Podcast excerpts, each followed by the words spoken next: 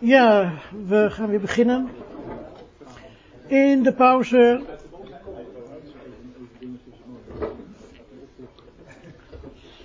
In de pauze werd ik door uh, twee verschillende broeders aangesproken over wat er voor de pauze gebeurd was.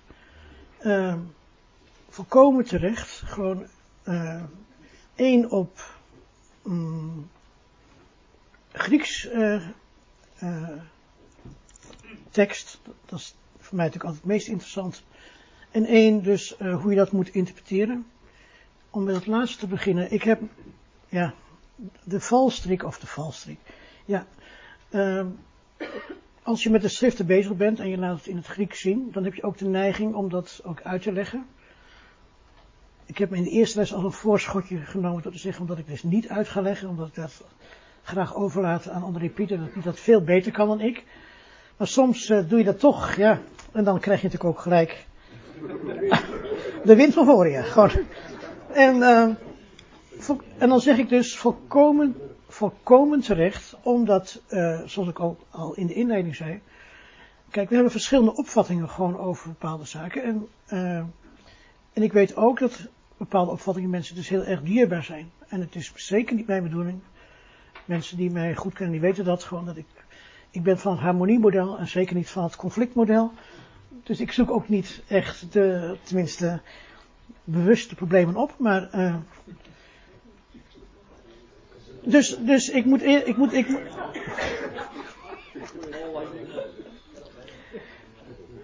Dus ik moet gewoon zeggen van, uh, ja, ik heb gezegd van, ja, er staat dus uh, ik en er staat komende boosheid enzovoort enzovoorts.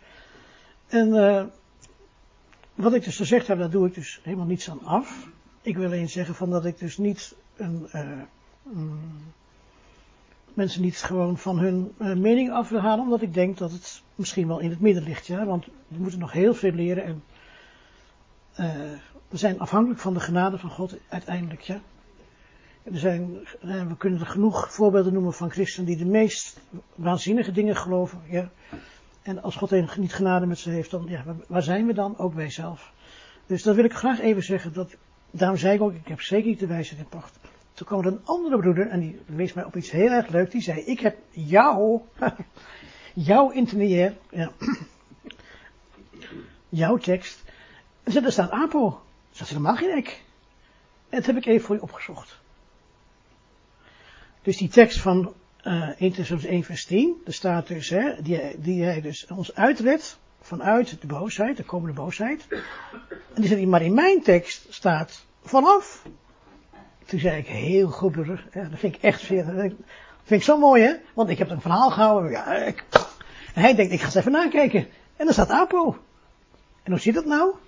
Nou, dat zal ik u uitleggen. Dat is een handschriftenkwestie.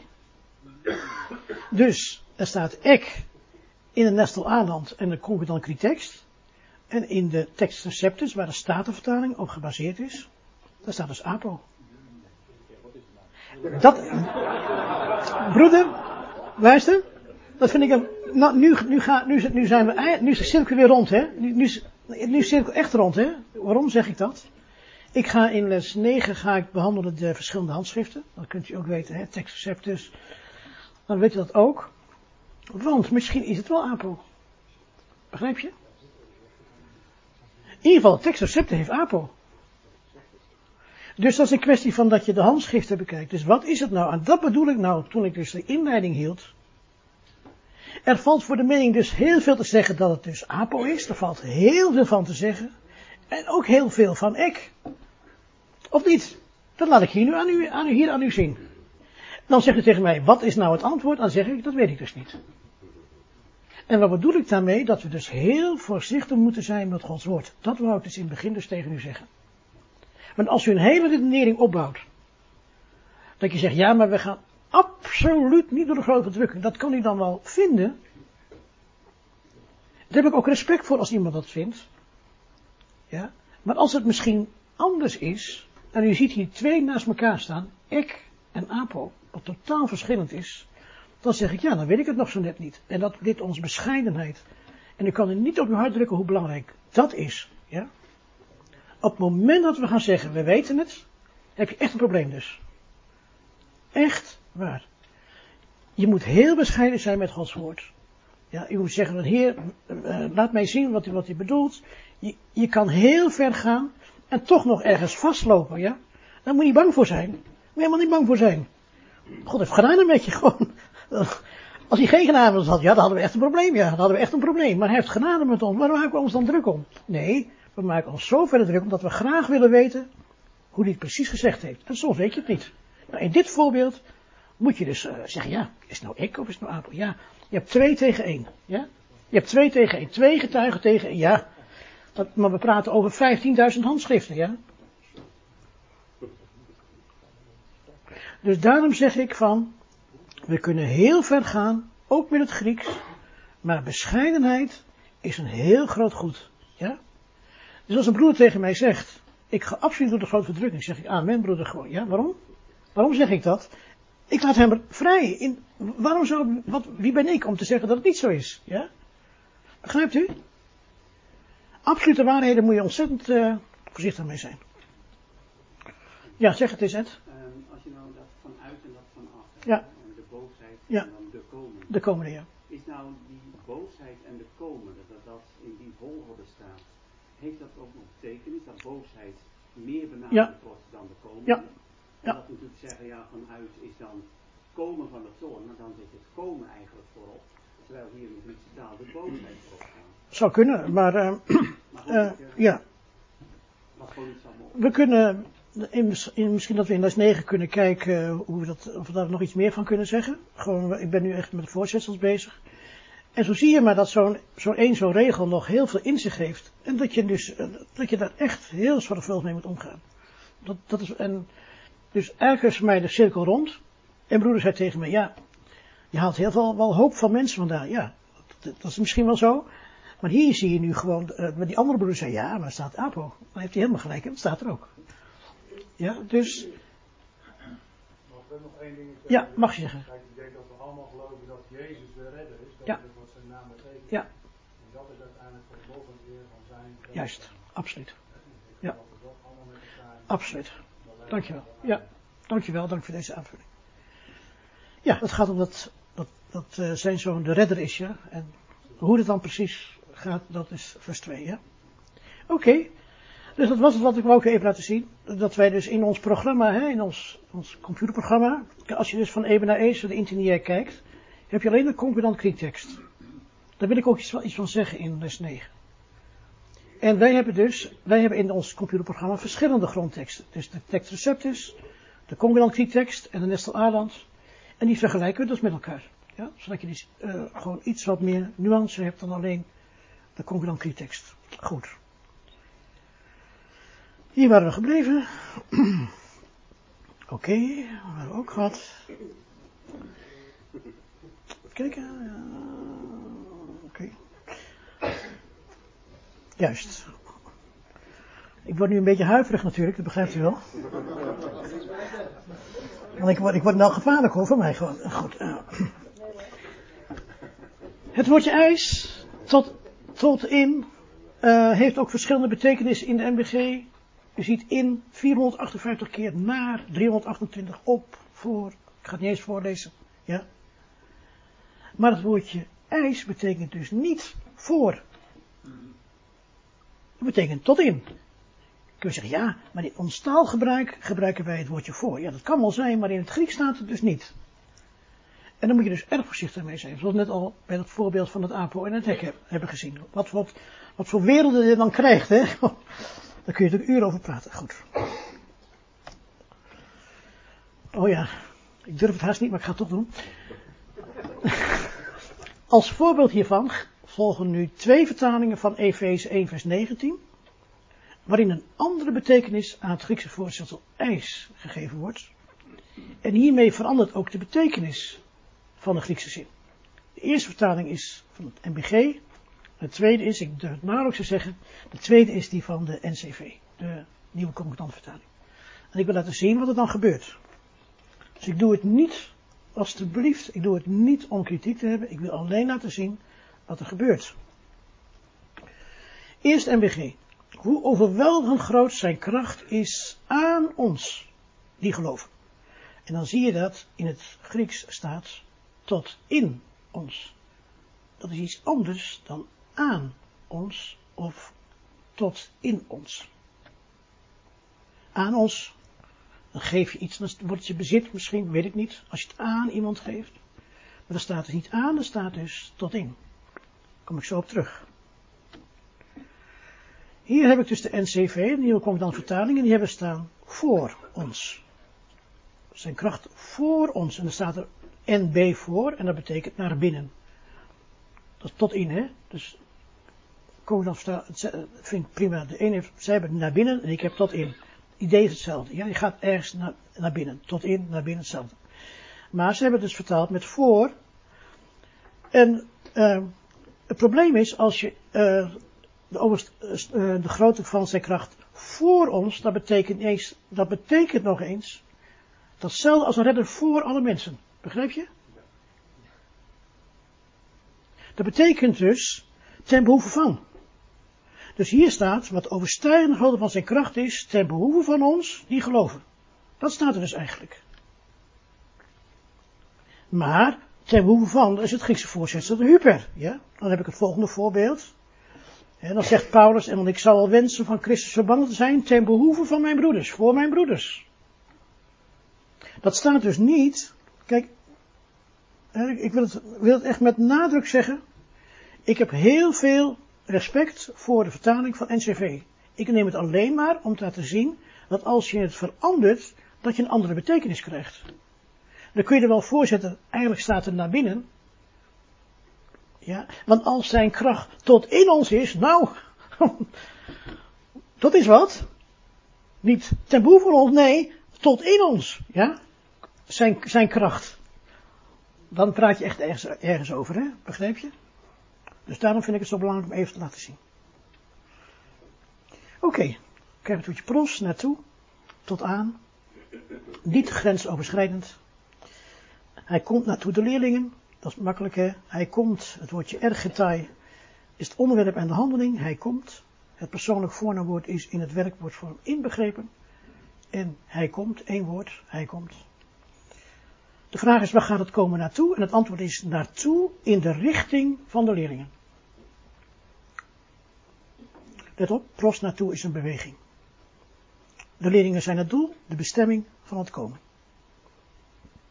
Ook het woord voorstel pros wordt dus allemaal nieuwe bestalingen bij. Bij, aan, tegen, met, voor, op, ja. Maar dat betekent het niet. Dat zijn idiomatische betekenissen die vanuit de Nederlandse betaling toegevoegd zijn, waardoor je een andere betekenis krijgt. Bijvoorbeeld, zulk vertrouwen hebben wij door de Christus naartoe de God. Even de zin even te ontleden. Wij hebben, echomen, onderwerp, ja. Wij hebben er volgt nu twee keer een vierde naval. Vertrouwen, zulk vertrouwen is vierde naval, blauw blokje. En de God is ook vierde naval, naartoe de God. Dus, de eerste vraag is, wat hebben wij? Het antwoord is, zulk vertrouwen. En de volgende vraag is, waar gaat dat vertrouwen naartoe? Ja, antwoord, naartoe de God. Dat is niet op God, dat is naartoe de God. We hebben vertrouwen naar God toe. En dat is dus actief, hè? Op is passief. Naartoe is een beweging. We hebben vertrouwen naartoe God. Niet op God, nee, naartoe God. Een handeling, ja, een, een, actie, ja, een beweging, ja. De God is het doel, de bestemming van het vertrouwen. Nu krijgen we een buitengewoon interessante zin. Wilt u eerst even met mij samen de MBG lezen? Of meent gij dat het schriftwoord zonder reden zegt, de geest die hij in ons deed wonen, begeert hij met jaloersheid. Ik heb het altijd een zeer merkwaardige zin gevonden. Dat, dat de geest die hij in ons deed wonen, uh, begeert God uh, met jaloersheid. Dat vond ik altijd heel erg vreemd. De betekenis in het Grieks van deze zin is, de geest, blijkbaar, die woning maakt in ons, die maakt woning in ons, verlangt naartoe afgunst. Want, waar gaat het verlangen van de geest naartoe? Naartoe afgunst. De MBG, ja, we gaan zo even, even, even, analyseren. Ja? De MBG maakt van de geest wat hier in deze zin het onderwerp is, maken ze, het, ze het voorwerp van verlangen. Dat is via de naval. En dan volgt een merkwaardige zin. Hij, God, begeert de geest die hij in ons wonen met jaloersheid. Dat staat er helemaal niet hoor. Laten we deze tekst wat nader bestuderen. En we kunnen dit vers in overeenstemming met de intinier, moet ik even een klein uitstapje, heel, heel klein zijstapje. André Piet geeft op de tijd bijbelstudies, waarin hij probeert een vertaling te maken, naar aanleiding van de. Dan ontdek je de meest fantastische dingen. Ik heb ook een vertaling geprobeerd te maken naar aanleiding van deze intinier. En er horen dus twee vraagtekens te staan. Nog een keer, als je die tekst in de intinier dus gaat vertalen, moet je twee vraagtekens maken. Of menen jullie dat de schrift het zonder reden zegt? Wat? Ja, wat eraan vooraf gaat. Verlangt de geest die in ons woning maakt naar de afgunst? Nee, natuurlijk niet, ja.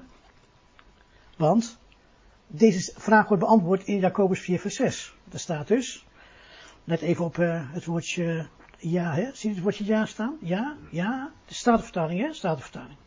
Statenvertaling. Waarom heb ik een statenvertaling genomen? Ze hebben een prachtige ellips, dat ga ik zo laten zien. Dus ja, ja, maar er staat echter. Er staat niet ja. Er staat echter. Dus, het is het antwoord op, verlangt de geest die in ons woont naar de afgunst. Het antwoord hierop is dat de geest grotere genade geeft. Het geeft echt een grotere genade. Hij verlangt helemaal niet naartoe de afgunst. Hij geeft grotere genade. Daarom, zij zegt, wie, wie zij zegt? Nou, de schrift heeft de vertaling hè, heel goed gedaan. Ellips. Daarom zegt de schrift, God wederstaat de hoogvaardige, maar de nederige geeft hij genade.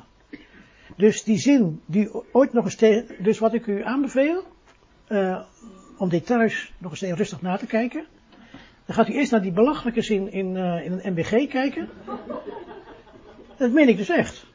Echt een belachelijke tekst. En dan gaat u kijken wat ik daarvan nu, ja, geen exegese, maar Grieks, uh, Griekse betekenis. Dan gaat u kijken of, het, of u het met me eens kunt zijn. Dat hoor dan graag de volgende keer.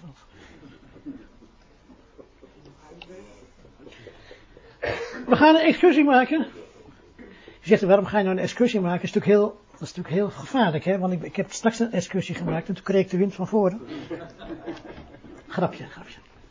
Maar ik ga toch die excursie maken. Want ik vind het, ik vind het graag, ik wil het u graag ter overweging geven. Ik zeg het er nadrukkelijk bij. Ik wil graag met u een excursie maken. En ik wil het u ter overweging geven. En waarin gaan wij dan een excursie maken? We gaan een excursie maken in het Hebreeuws. Oké? Want we gaan naar Johannes 1, vers 1. Daar staat in het begin was het woord. En het woord was bij God. En het woord was God. Het woord was God, kom ik nog op terug. In les, in les 9 kom ik erop terug. Maar we gaan nu even kijken naar het woord was bij God. Staat niet bij God, er staat naartoe de God. Ja? Er staat helemaal niet bij God. Er stond, staat naartoe de God. Dat lijkt op het eerste gezicht heel merkwaardig. Maar het is uiterst belangrijk om de Griekse gedachte intact te houden. Kijk, je kunt niet zeggen, uh, ik begrijp niet, naartoe God begrijp ik niet, dus zeg ik bij God. Dat, dat is gewoon onzin. Dat is gewoon onzin. Dan moet je zeggen, ja, er staat naartoe God en ik begrijp het niet. Dan, dan spreken we dus gewoon uh, zuivere taal. Er staat naartoe God, begrijp ik niet, nee. Dus ik ga nu proberen om het uit te leggen waarom er moet staan, waarom er moet staan naartoe de God. Ik ga weer op het exegese begeven. Ja, goed. Gaan we toch even doen, want het is buitengewoon interessant en ik wil u laten zien iets ter overweging. Als we in Job 19 lezen, dan zal ik even voorlezen, dan staat Job zegt iets profetisch, hè?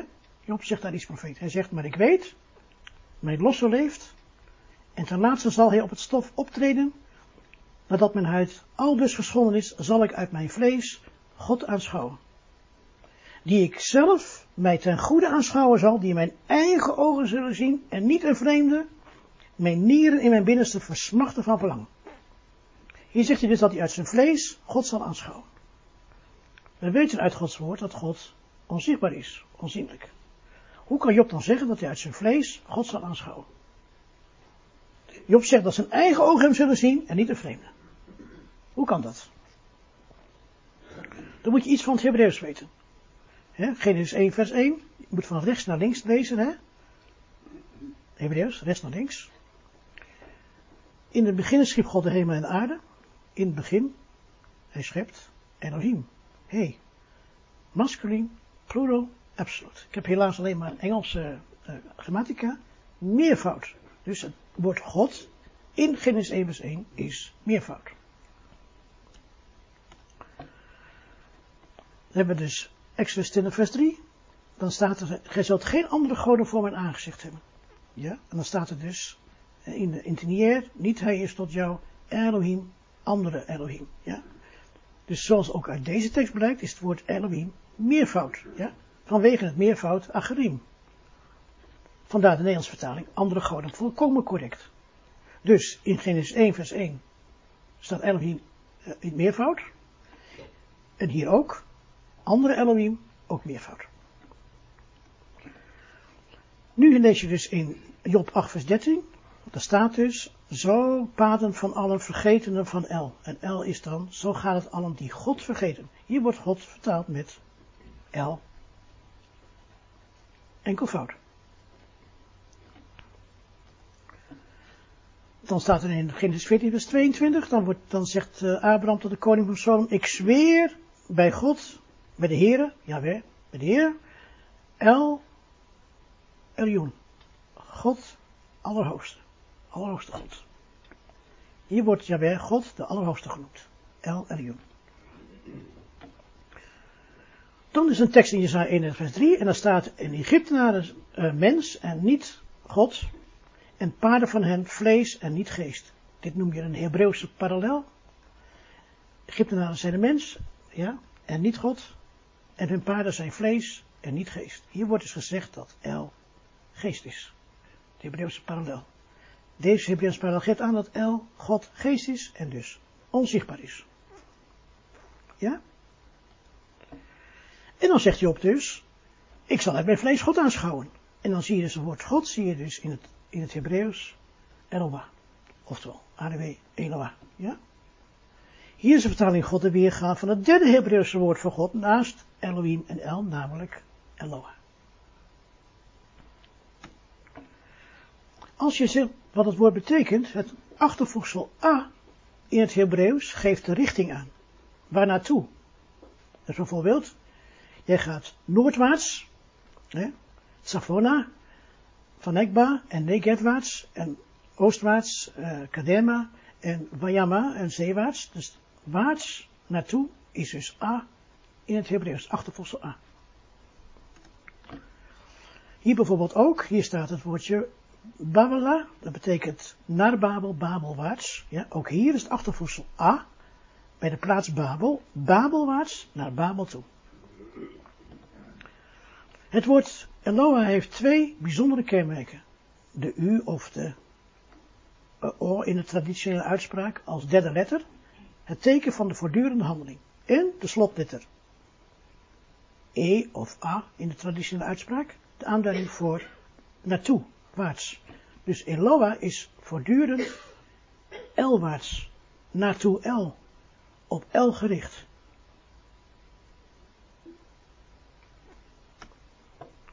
Eigenlijk zegt Johannes tegen zijn Joodse toehoorders in een onbepaald begin, zoals in Genesis 1 vers 1, was het woord, en het woord was naar de God toe.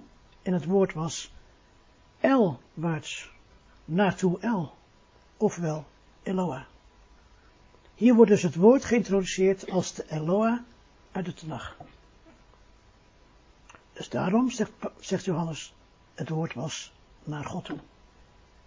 Ik geef het alleen ter overweging. Goed, nu kom ik weer op veilig terrein. We gaan naar de voorzetsels met twee naamvallen. Even denken, misschien is het voor u interessant. Ja. Hmm. Hmm. Ja, goed. Alles wat ik vandaag niet doe, doe ik de volgende keer. Want het is te interessant om het te laten liggen. Dus maak ik het niet af, dan komt het de volgende keer. Ja? Als dia, het woordje dia door, met een tweede naamval verbonden wordt, dan markeert het gewoonlijk een tussenstuk. Het gaat er doorheen.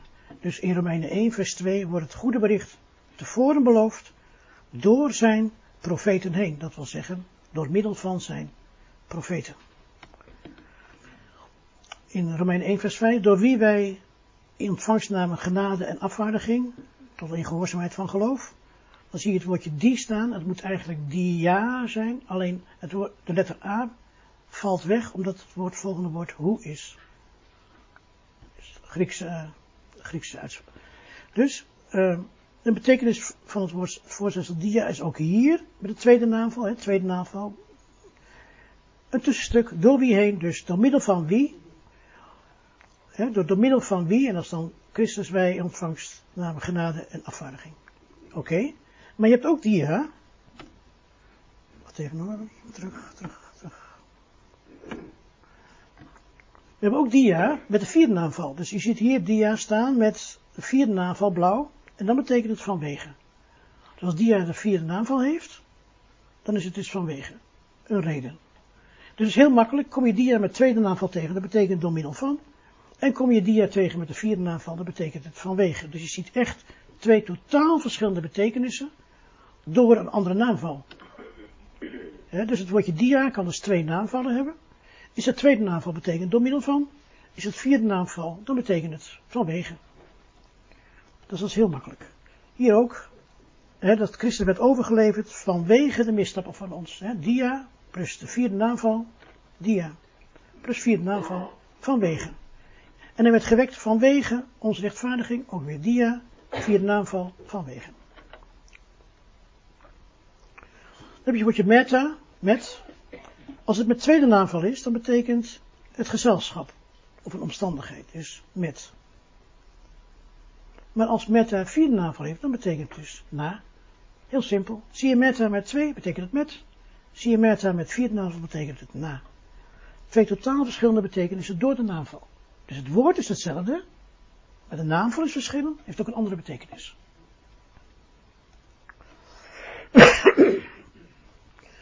Bij een met drie verschillende aanvallen speelt de naamval een belangrijke rol. Buitengewoon interessant. Uh, ik moet u zeggen dat ik het bijna nergens gevonden heb wat ik u nu laat zien. Dus in de klassieke literatuur zult u dit niet tegenkomen. Maar ik wil het u heel graag laten zien. Je moet uh, wel even goed nadenken natuurlijk. Ja. Het woordje epi, op, heeft drie naamvallen. We gaan eerst epi met de vierde naamval doen. Als je de vierde naamval, dan weet je, dat is de richting naartoe. Ja? Vierde naamval betekent waar naartoe. Dus, dan zegt de Heer, twee musjes, hè, die zullen die vallen op de aarde, ja, zij vallen op de aarde. Het woordje op plus de vierde naamval geeft dus de richting aan, ja. Dus, door de vierde naamval bij het woordje op, dan vallen de musjes dus daadwerkelijk tot op de grond. Ja, je hoort ze vallen bij wijze van spreken, ja. Dat komt door die vierde naamval. Want je ziet ze vallen gewoon, die richting, je ziet ze gewoon vallen, ja.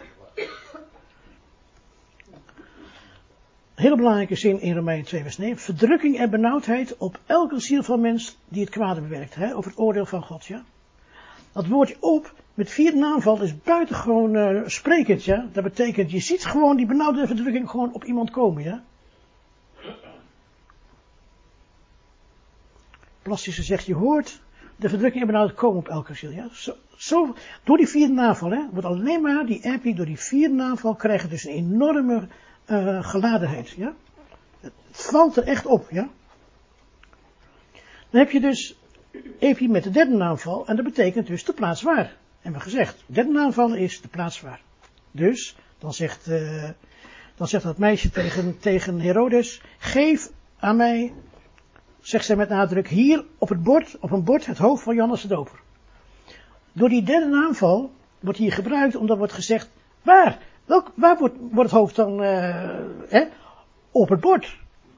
Dat betekent dus dat het dus echt demonstratief getoond werd. En het komt alleen maar door de naamval.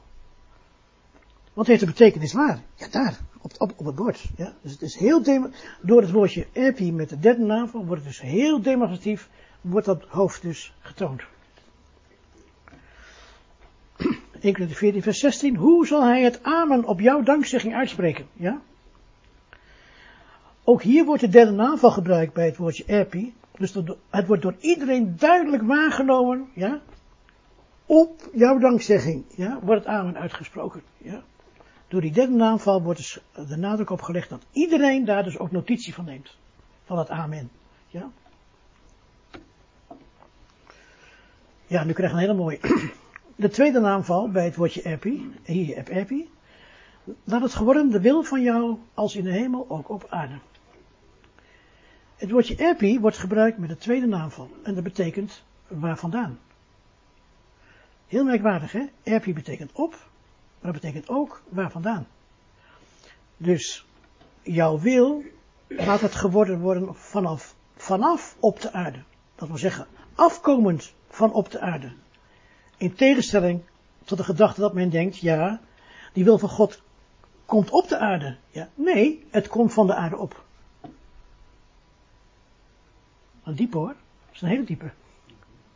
Dus die wil, hè, de Heer bidt het, hè, de Heer bidt dus dat die wil van God van, vanaf op de aarde gewoon opstijgt naar God toe. En niet dat het van boven opgelegd wordt. Mooi hè? Alleen door de tweede naval. Zo belangrijk is de naval. ja. Paulus maakt dus gedachtenis op de gebeden van mij.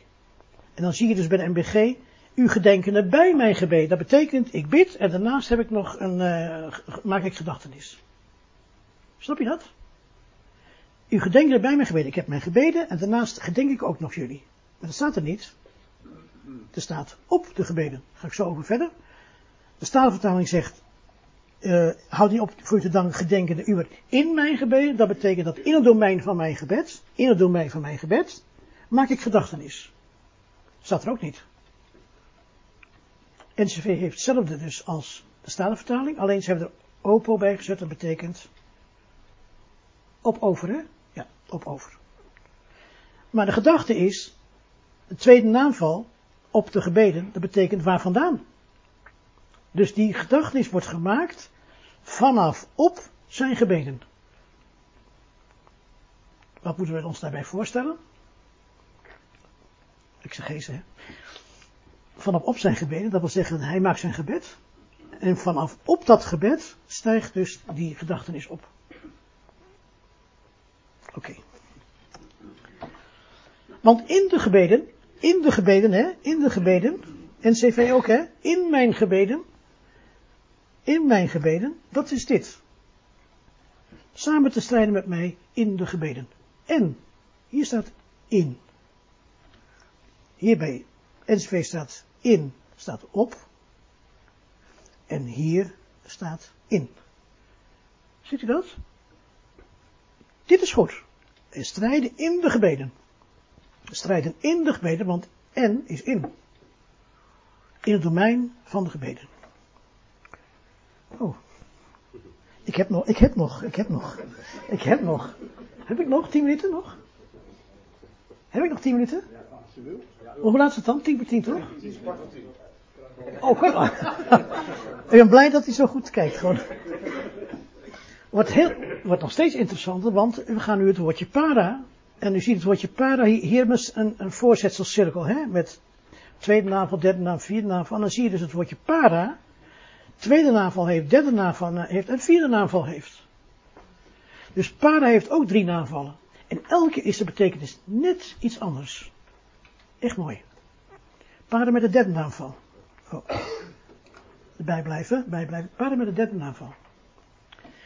Zij stonden echter bij het kruis. Je ziet het woordje para met de derde naamval. Para tostauro bij het kruis. Hier wordt para met de derde naamval gebruikt. De plaatsbepaling, de locatie. En hier staat dus de aanwezigheid centraal zonder verandering van plaats. Dus in die directe nabijheid, dus in het, eigenlijk in het domein van het kruis. Snap je dat? Ze stonden dus bij het kruis, maar zo dicht dat ze in het domein van het kruis waren. Dat betekent die derde naamval. Want je vraagt je waar? Bij het kruis, ja? In het domein van het kruis. Dat is die derde naamval.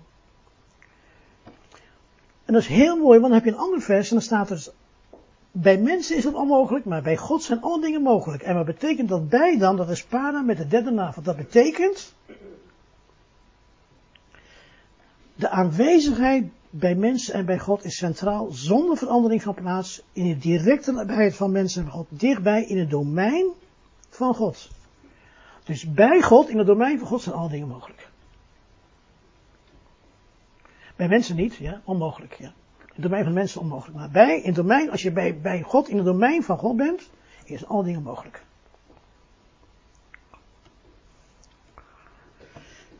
Hier staat ook dat in de wet niemand wordt gerechtvaardigd bij de God. Ja? Buitengewoon interessant, wij worden dus gerechtvaardigd bij de God, derde naval, dat betekent in het domein dat je bij God bent. Ja? Vlak bij God ben je dus, ja? als je dus gerechtvaardigd wordt. Dichterbij kan niet, ja? Schitterend. Wordt echt schitterend. Dat je bij God gerechtvaardigd wordt. Dus in de derde naamval, dus uh, in zijn domein. Ja? Paren met de vierde naamval. En dan, uh, dan wordt er een richting aangeduid. Vierde naamval, altijd richting. En die richting is een beweging die uh, parallel is, dat betekent eigenlijk ernaast. Ik heb dan niet hier, ik heb niet ernaast gezet. En waarom niet? Omdat ik eerst interniair gemaakt heb en toen ben ik het gaan bestuderen.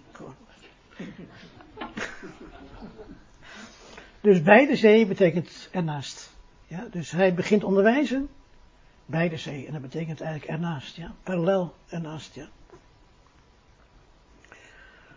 Oh, wat gaat hij nou doen? Prachtig hoor. Let op hè. Para met de vierde navel hè, betekent naast hè. En dan staat er dus in Romein 1 vers 20. De schepping hè, de schepping. Ze worden eerbiedig vereerd en zij dienen de schepping naast degene scheppende. Dat betekent niet in plaats van. Let op hè. Er staat dus niet, zij dienen de schepping in plaats van de schepper. Dat staat er dus niet. Er staat naast. Je moet nooit uh, twee, kan niet twee heren dienen, hè, dat weet je. Je kan niet twee heren dienen, maar dat probeert de schepping dus wel te doen. Ze dienen en de schepper en de schepping. Dat kan niet. Want hier staat, hè, ze dienen de schepping naast de schepper. En niet in plaats van, hè. Niet in plaats van naast de schepper. Erbij, zal ik maar zeggen. Ja, erbij. En dan staat hier ook, hè, dat is een bekende vers uit Galaten 1 vers 8, dat, dat als iemand een evangelie zal brengen, naast wat wij als goed bericht brengen. Niet in plaats van. Dat is het probleem juist. Het probleem van de christenheid is dat wij dus twee evangelieën hebben die naast elkaar staan. Ja? Eén wat goed is en wat één wat niet goed is. Het is niet de ene in plaats van de ander, nee, allebei. En dat maakt het zo moeilijk. Snap je dat? Want wat is nou goed en wat is niet goed? Want ze staan naast elkaar. Niet in plaats van, niet zeggen, ja, we hebben nu een heel ander evangelie. Nee, naast wat wij. Ernaast, erbij. En dat maakt het zo moeilijk. Dat is dus eigenlijk, om het nou in andere vergelijking te gebruiken, dat is eigenlijk dus het uh, onkruid tussen het tarwe zaaien. Begrijp je? Het is ernaast. Niet in plaats van, je gooit geen onkruid in plaats van de tarwe. Nee, je gooit onkruid ernaast. Ja, erbij, hè. Dus dit hier ook. Dus dat, dat verkeerde evangelie, hè. Naast. En niet in plaats van. En ik heb nog dit. Met tweede naamval. Ook erg leuk. Tweede naamval betekent waar vandaan. Tweede naamval betekent waar vandaan. En hier wordt het versje gebru vers gebruikt van dat dus Herodes aan de hogepriester en schriftgeleerden informeerde om vast te stellen bij hem. En dus de tweede navel betekent waar vandaan. Ja, dat betekent van de kant van. Ja, dus hier informeerde Herodes om vast te stellen bij hen, dat is van de kant van de hogepriester en schriftgeleerden.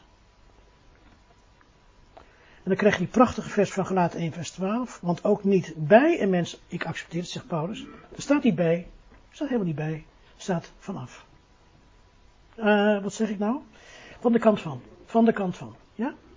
Dus van de kant van, van, dus van de kant van de mens accepteerde ik het niet, maar door onthulling van Jezus Christus. Dus niet bij een mens, maar van de kant van de mens. Ja? Accepteerde ik. Van, van, hè, van iemand af, ja? Ook. Oké. Okay. kan ik de conclusie nog even zeggen. Naamvallen en voorzetsels zijn dus essentieel voor het begrijpen van de Griekse tekst. Naamvallen en voorzetsels zijn plaatjes, waardoor er een levendig beeld geschapen wordt. Iedere naamval, ieder voorzetsel heeft een eigen kleur en zeggingskracht. En de naamval en voorzetsels geven een enorme precisie aan de formulering van de tekst. Ik hoop dat ik daar wel mee bewezen heb met uh, deze les. Dus dat is een buitengewoon boeiend onderwerp, want elke zin heeft wel naamvallen en voorzetsels. Nou, dan heb je nog wel wat te ontdekken, hè? Gewoon, uh, als je dat gewoon allemaal uh, nagaat, ja? Dat was het uh, voor vandaag. Ehm, ik ben heel blij dat u heel welwillend naar mij geluisterd heeft. als echte Bereërs, zal ik maar zeggen. Gewoon.